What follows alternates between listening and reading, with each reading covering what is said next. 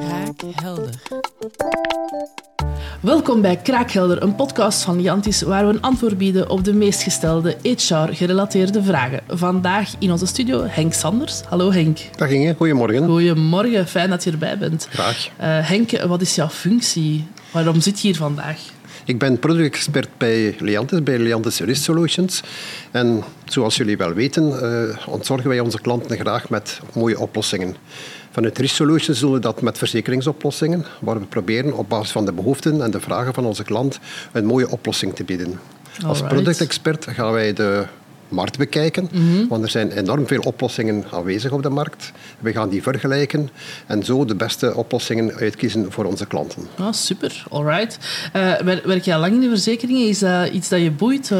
Dat heb ik al altijd gedaan. Ik heb een, uh, een vooropleiding die heel anders is. Ik ben verpleegkundige, ik heb ook wel wat IT gestudeerd.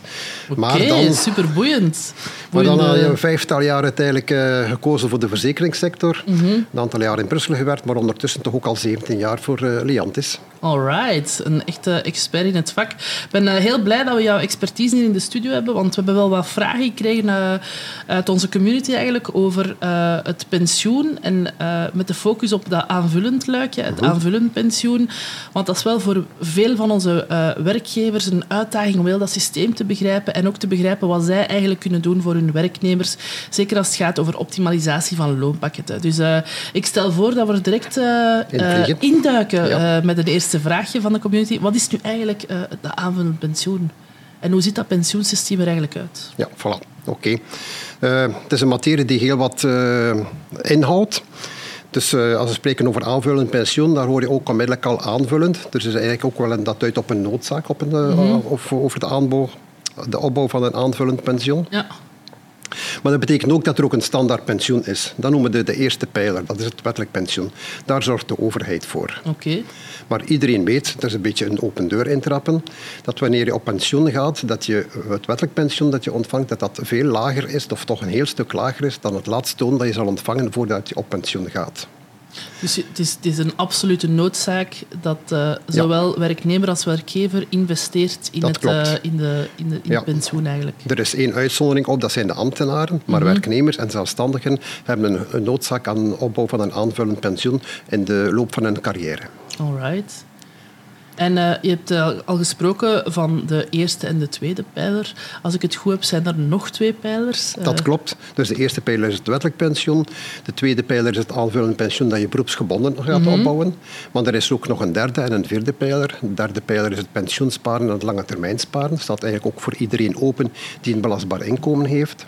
En de vierde pijler is iets dat je nog bovenop kan gaan doen. Mhm. Dat is het niet-fiscale sparen. Mhm. Dus dat wil betekenen dat de tweede en de derde pijler ook fiscaal aangemoedigd worden door de overheid. De mhm. vierde pijler niet. Dat kan je op eigen initiatief doen.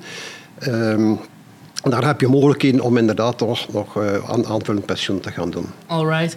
Maar als we het hebben hier over onze werkgevers, dan focussen we ons echt op die, op die tweede pijler, op dat uh, aanvullend, uh, aanvullend pensioen. Inderdaad. En wat zijn zo de kenmerken van die, van die tweede pijler, van dat aanvullend pensioen? Hoe ziet dat er juist uit? Wel, de tweede pijler voor werknemers, dat gaat over collectieve toezeggingen. Mhm. Dus dat betekent dat de werkgever dat niet zomaar voor één werknemer kan doen, maar dat hij dat eigenlijk voor alle werknemers moet doen. Oké of voor een categorie van werknemers. Ik kan bijvoorbeeld voor uh, werknemers die commerciële buitendienst doen of die mhm. kaderleden zijn. Maar anders kan hij tussen de werknemers geen onderscheid gaan maken. Dat is verboden door de wet. Dus je mag niet gaan discrimineren. En ook het verschil tussen arbeiders en bedienden mag hij niet gaan maken voor een aanvullend pensioen. Oké, dus hij moet kiezen voor ofwel de hele community uh, van werknemers ofwel een mooi afgebakende Klopt. groep. Oké, okay, super duidelijk. Bedankt om ons al uh, die basisinzichten te geven in, uh, in die tweede pijler. Mm -hmm. En ik kijk er naar uit om uh, in de volgende aflevering meer in de diepte te duiken. Dank u wel, Henk. Ja, graag gedaan. Beste kijkers en luisteraars, heel erg bedankt om weer in te tunen bij Kraakhelder. Heb je nog vragen? Stuur dan zeker een mailtje naar ons of DM op onze Instagram. Tot volgende keer.